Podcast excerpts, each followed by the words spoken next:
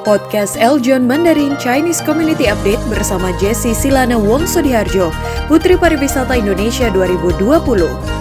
Podcast ini dipersembahkan oleh Eljon Media dan disponsori oleh Tasha Eco Water Park Batu Raja. Mau liburan yang ekonomis dan seru? Ya ke Tasha Eco Water Park saja. Selamat mendengarkan. John, kembali lagi di Chinese Community Update bersama dengan saya Jessi Silana Wongso di Harjo di mana program Chinese Community Update ini merupakan program yang akan menyajikan informasi seputar kegiatan komunitas Tionghoa yang ada di Indonesia dan juga uh, perkumpulan marga Tionghoa yang ada di Indonesia. Nah, oleh karena itu langsung saja kita akan lihat informasi yang pertama yaitu ada dari Pekalongan di mana PSMTI Kota Pekalongan menyalurkan beras untuk bantuan peduli COVID-19. PSMTI Kota Pekalongan menyalurkan beras kepada masyarakat yang bekerja sama dengan Polda Metro Jaya. Menyalurkan beras ini dilakukan oleh panitia Imlek yang mempunyai semboyan untuk negeri. Kami berbagi dan peduli. Diharapkan dengan penyaluran beras ini dapat meringankan masyarakat yang terkena dampak COVID-19. Para sobat Eljon, itu dia tadi berita dari PSMTI Pekalongan. Nah, selanjutnya kita akan belajar mengenai budaya Tionghoa di Indonesia. Nah, kira-kira budaya Tionghoa yang ada di Indonesia ini apa saja sih? Ternyata salah satunya adalah batik, di mana ada batik peranakan Tionghoa. Dan kira-kira seperti apa sih batik peranakan Tionghoa itu? Apakah menjadi sebuah proses akulturasi budaya atau berbeda? Nah, oleh karena itu langsung saja kita akan lihat bersama-sama mengenal batik peranakan Tionghoa sebagai proses akulturasi budaya. Campuran budaya merupakan hal biasa di Indonesia. Tidak hanya meleburnya dua budaya lokal, Indonesia juga mengadopsi kultur-kultur yang datang dari luar. Perjalanan saya kali ini akan melihat percampuran budaya yang dituangkan dalam suatu karya seni yang memiliki nilai estetik tinggi.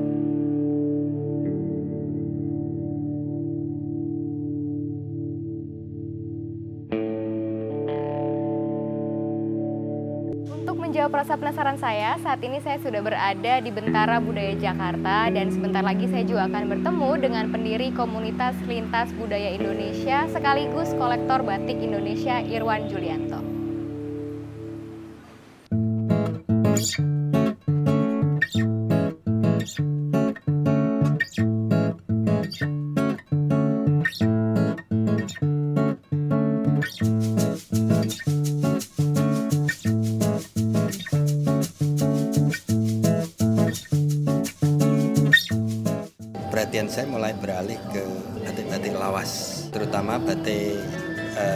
Pesisiran ya, batik pesisiran yang mayoritas adalah batik peranaan. Jadi um, saya beralih dari mengoleksi lukisan kecil-kecilannya menjadi mulai memberi perhatian kepada pada kain batik ya. Kebetulan uh, istri saya dari keluarga di Semarang, neneknya masih menggunakan sarung dan kebaya ya uh, keturunan uh, Tionghoa Peranakan dan masih ada peninggalan beberapa sarung lawas ya. Saya sih baru 10 sampai 15 tahun terakhir mengoleksi batik ya. Dan itu pun juga tidak intensif sekali kayak gitu. Saya tidak hanya menyukai batik lawas, tapi batik-batik baru pun kalau uh, indah menurut saya uh, saya akan mengoleksi ya. Saya cukup punya uh, punya banyak batik dari Madura, terutama batik dari uh, Bangkalan, khususnya wilayah Tanjung Bumi ya. Disebut batik kentongan ya. Itu juga ada pengaruh dari batik peranaan juga ya. Bercampur dengan dengan unsur budaya lokal. Ya.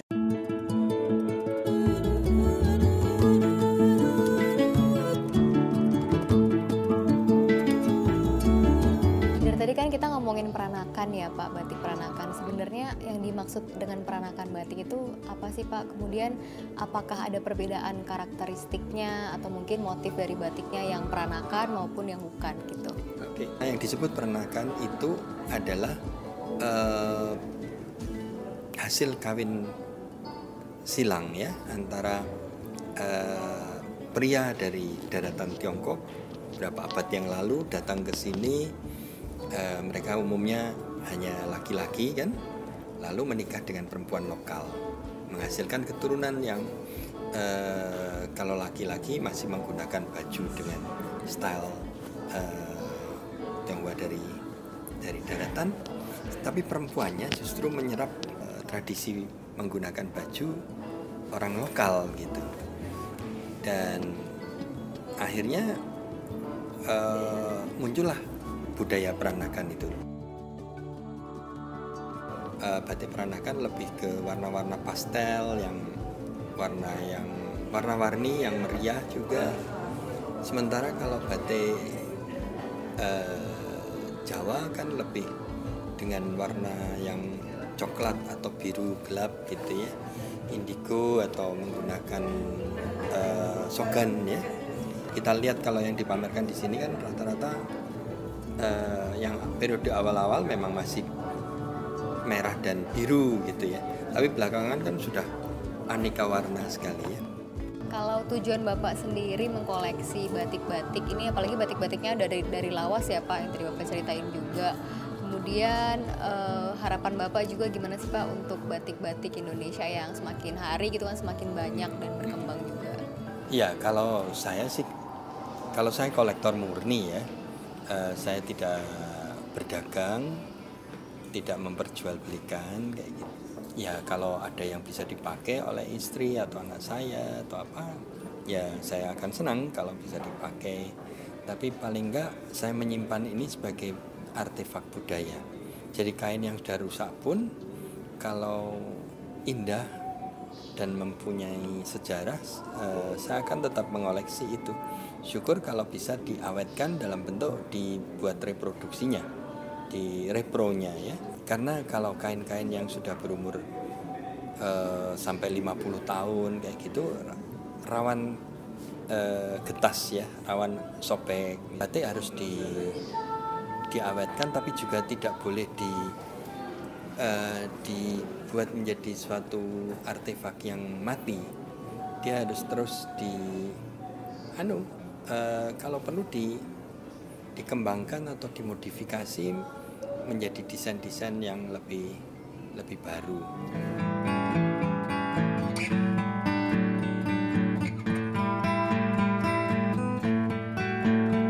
Selain itu, batik biasanya juga dibuat secara turun-temurun seperti contohnya batik yang di belakang saya ini. Ini merupakan batik yang dibuat oleh dua generasi, ibu dan anak. Batik ini merupakan batik Belanda yang sudah mengalami akulturasi budaya Tionghoa juga Indonesia.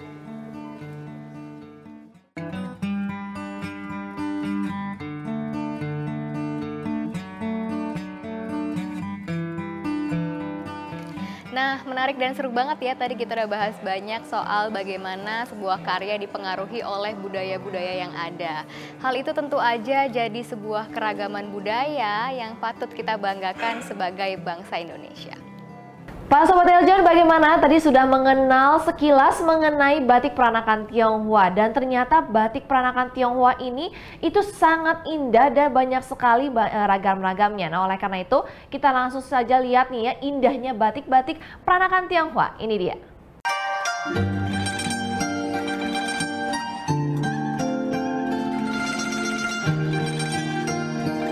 Keindahan dan pesona batik Indonesia merekam beragam budaya yang masuk ke Nusantara sejak zaman dahulu kala. Tak terkecuali budaya peranakan Tionghoa. Batik motif Megamendung ini misalnya. Siapa sangka motif cantik busana karya desainer Edward Huta Barat ini berasal dari keramik yang dibawa oleh putri Kaisar Tiongkok pada abad ke-15 yang datang ke Cirebon dan menikah dengan Sunan Gunung Jati. Tak hanya batik, budaya Tionghoa juga berpengaruh pada aspek lain, seperti motif sulam Minangkabau dan budaya Betawi.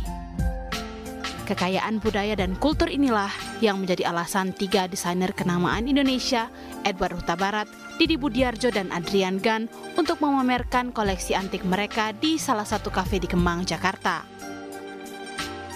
Seperti karya Didi Budiarjo yang terinspirasi keunikan batik pesisir berwarna pastel ini.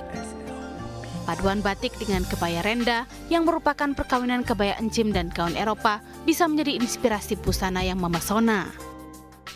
terinspirasi dari kebudayaan peranakan dan sebetulnya awalnya mulanya dari kebaya renda.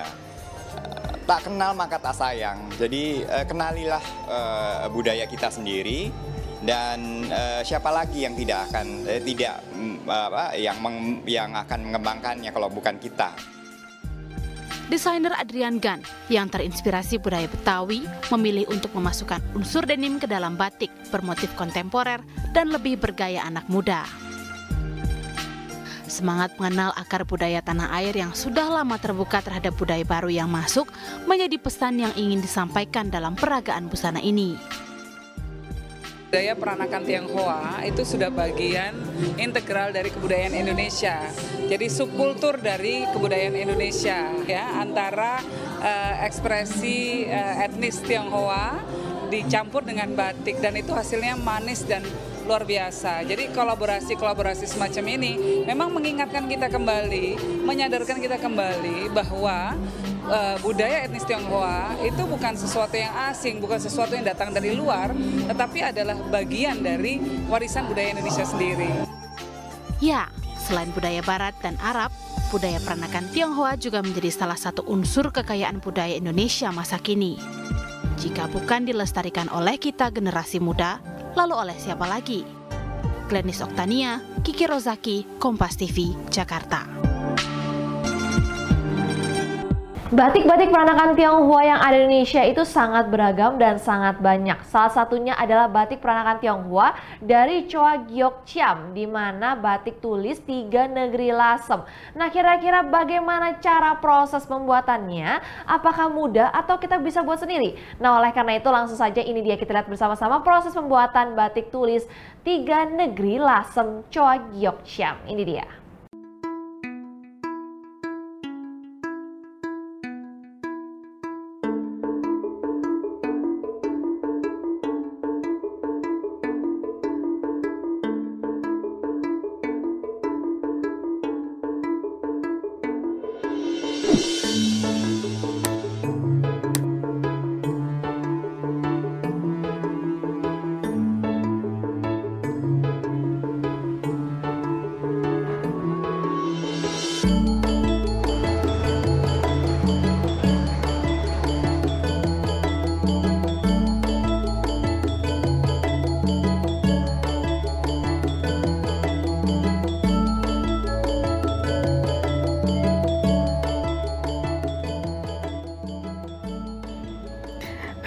Pecinta batik Indonesia, jumpa lagi kita bersama channel Omah Batik Lasem.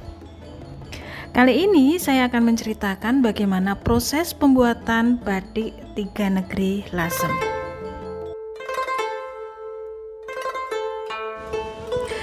Nah, pada akhir abad ke-19 pemirsa, Kain batik mulai menjadi dagangan premium untuk sandangan wanita Melayu, peranakan Cina, Belanda, Arab, atau bangsawan lokal. Nah, kalau batik tiga negeri sendiri yaitu merupakan batik yang dibuat di tiga daerah, yaitu Lasem, Pekalongan, dan Solo. Nama tiga negeri juga bisa berarti batik yang mengalami proses pewarnaan di ketiga kota tersebut. Selain itu, Batik jenis ini merupakan batik yang memiliki warna merah lasem, biru pekalongan, dan coklat sogan Solo, meskipun tidak mengalami proses pewarnaan di ketiga kota tadi. Pemirsa, ada cerita mengenai perusahaan batik tiga negeri Choa Giok Chiam yang mengawali produksinya pada tahun 1910 di Solo. Kerangka buketan merahnya dibuat di Lasem selama tiga generasi. Butuh waktu hingga tiga bulan sejak kain dikirim ke Lasem dan kembali ke Solo. Setelah itu, proses pewarnaan birunya menggunakan pewarna sintetis dari Jerman dan tahap akhirnya kain batik dicelup dengan sogan racikan keluarga Choa.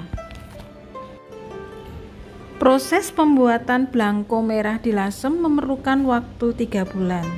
Proses akhir di Solo memerlukan waktu lima bulan. Jadi, total pembuatan batik ini sekitar 8 bulan.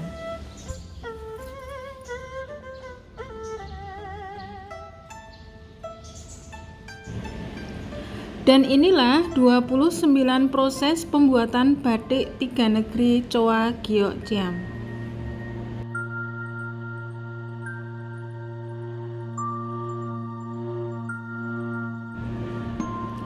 Yang pertama yaitu nyuai. Nyuai adalah merobek bahan untuk kain panjang atau sarung.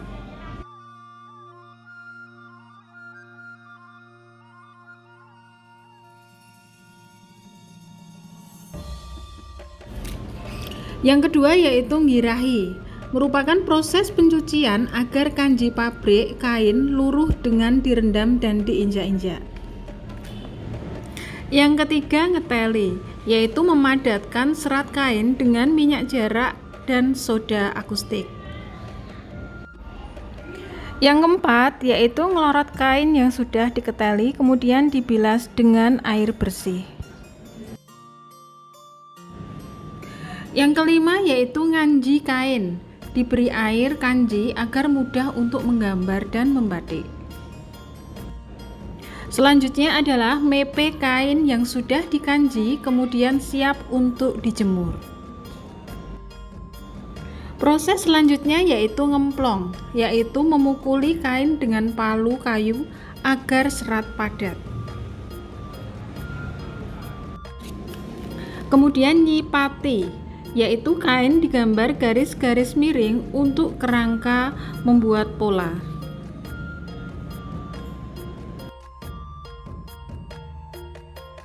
Proses selanjutnya adalah molo atau melukis kerangka buketan utama dengan pensil di atas kain.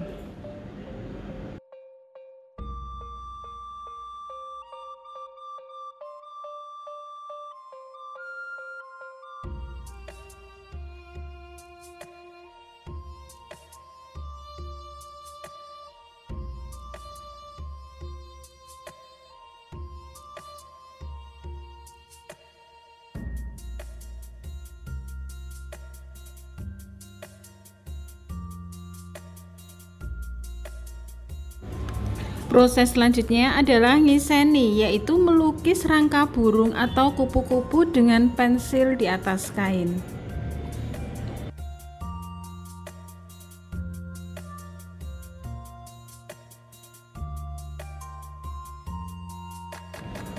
Proses selanjutnya adalah nerusi, yaitu membatik pada kain belakang dari sisi utama kain batik.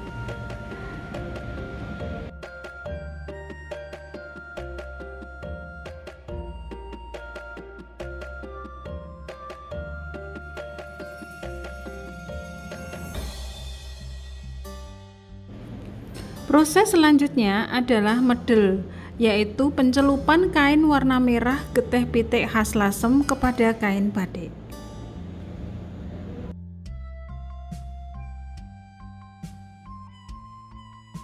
Setelah medel, kain menjadi belangko merah yang sudah siap dikirim ke Solo.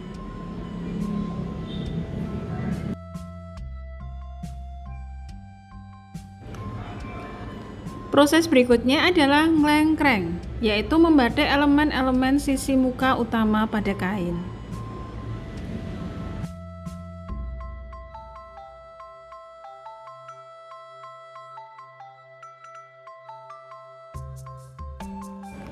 Proses berikutnya adalah nerusi, yaitu membatik sisi belakang corak batik utama jadi dua sisi yang serupa, depan maupun belakang sama.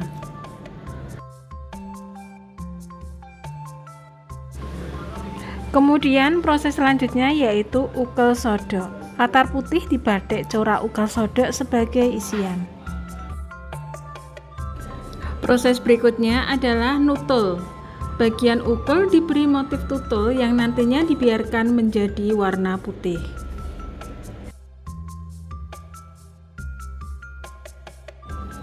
Proses selanjutnya adalah nemboi, yaitu penutupan area warna merah dengan malam.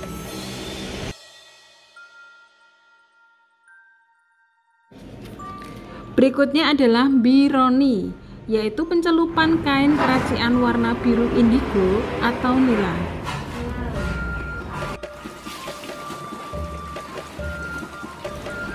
Kemudian proses girahi, yaitu pencucian kain dengan air soda krepik lalu dijemur.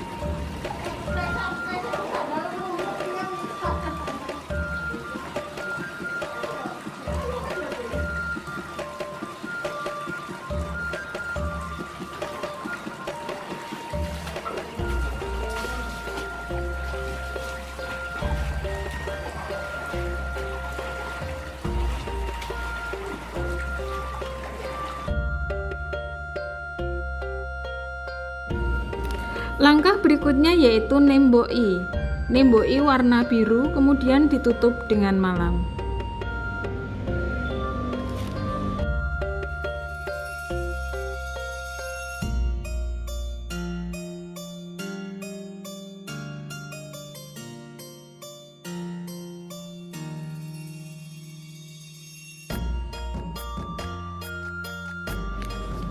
Selanjutnya adalah nyogo yaitu pencelupan kain ke sogo atau diberi warna coklat.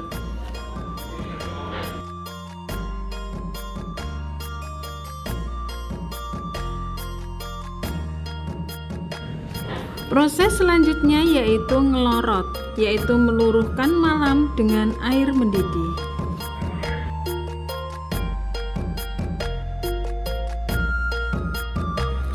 Proses selanjutnya adalah ngebyok, yaitu mencuci dengan gerakan keras naik turun. Kemudian girahi. Selepas ngebyok, kain batik dicuci kembali.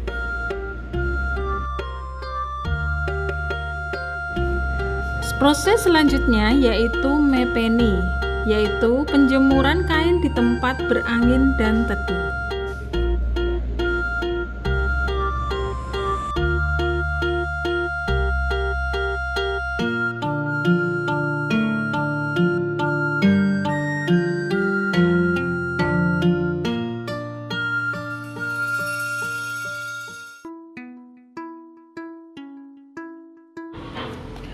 Proses selanjutnya adalah ngelempiti kain.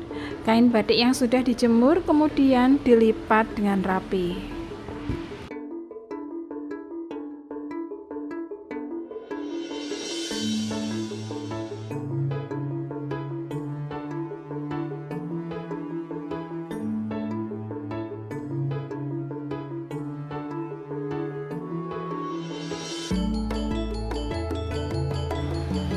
Kemudian ngepres kain.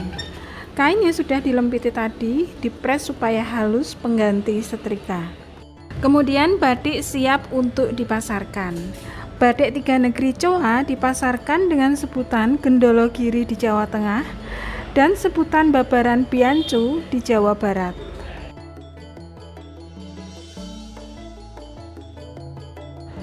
Meskipun batik tiga negeri Coa terbilang langka untuk produksinya sekarang ini, tetapi di Lasem banyak sekali pembatik yang masih mengerjakan batik tiga negeri. Seperti di Omah Batik Lasem Tiga Negeri ini, kami juga menyediakan berbagai batik tiga negeri hasil dari pembatik-pembatik Lasem. Membeli satu buah batik tiga negeri lasem merupakan kepedulian kita untuk melestarikan warisan budaya bangsa.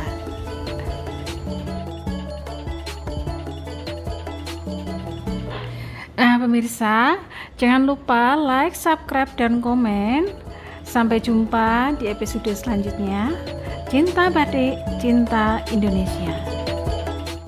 Sobat Eljon bagaimana? Tadi sudah melihat proses pembuatan dari batik tulis Tiga Negeri Lasem yang merupakan salah satu batik peranakan Tionghoa. Nah oleh karena itu nanti kita akan melihat lebih jauh lagi mengenai batik peranakan Tionghoa yaitu dari pameran. Jadi seperti banyak kebanyakan fashion-fashion lainnya ya bahwa ada pameran juga, ada fashion-fashion uh, catwalk juga, jadi ada pagelaran busana juga. Lalu akan ada juga oh warna-warna. Jadi ternyata batik peranakan Tionghoa ini juga banyak sekali warna dan ada filosofi serta sejarahnya. Nah, tapi sebelum itu akan ada pesan-pesan berikut ini dulu ya, Sobat Eljon. Nanti akan kembali lagi bersama dengan Jessie di segmen yang kedua. Oleh karena itu tetap tonton terus hanya di Chinese Community Update bersama dengan saya Jessie Silana Wongso di Harjo. Sampai jumpa di segmen berikutnya. Sahabat Eljon, di mana pun Anda berada, Anda sedang menonton program Chinese Community Update. Jangan ke mana-mana, kami segera akan kembali untuk segmen berikutnya.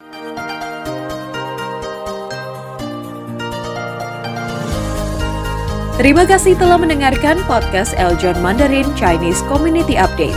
Persembahan dari Eljon Media Waterpark Batu Raja. Mau liburan yang ekonomis dan seru? Ya ke Tasya Eco Waterpark saja. Jangan lupa follow podcast Indonesia Page. Jangan lupa follow podcast Eljon Mandarin di Spotify. Eh, eh, kamu tahu kan City Waterpark Batu Raja? Tahu dong, emang kenapa?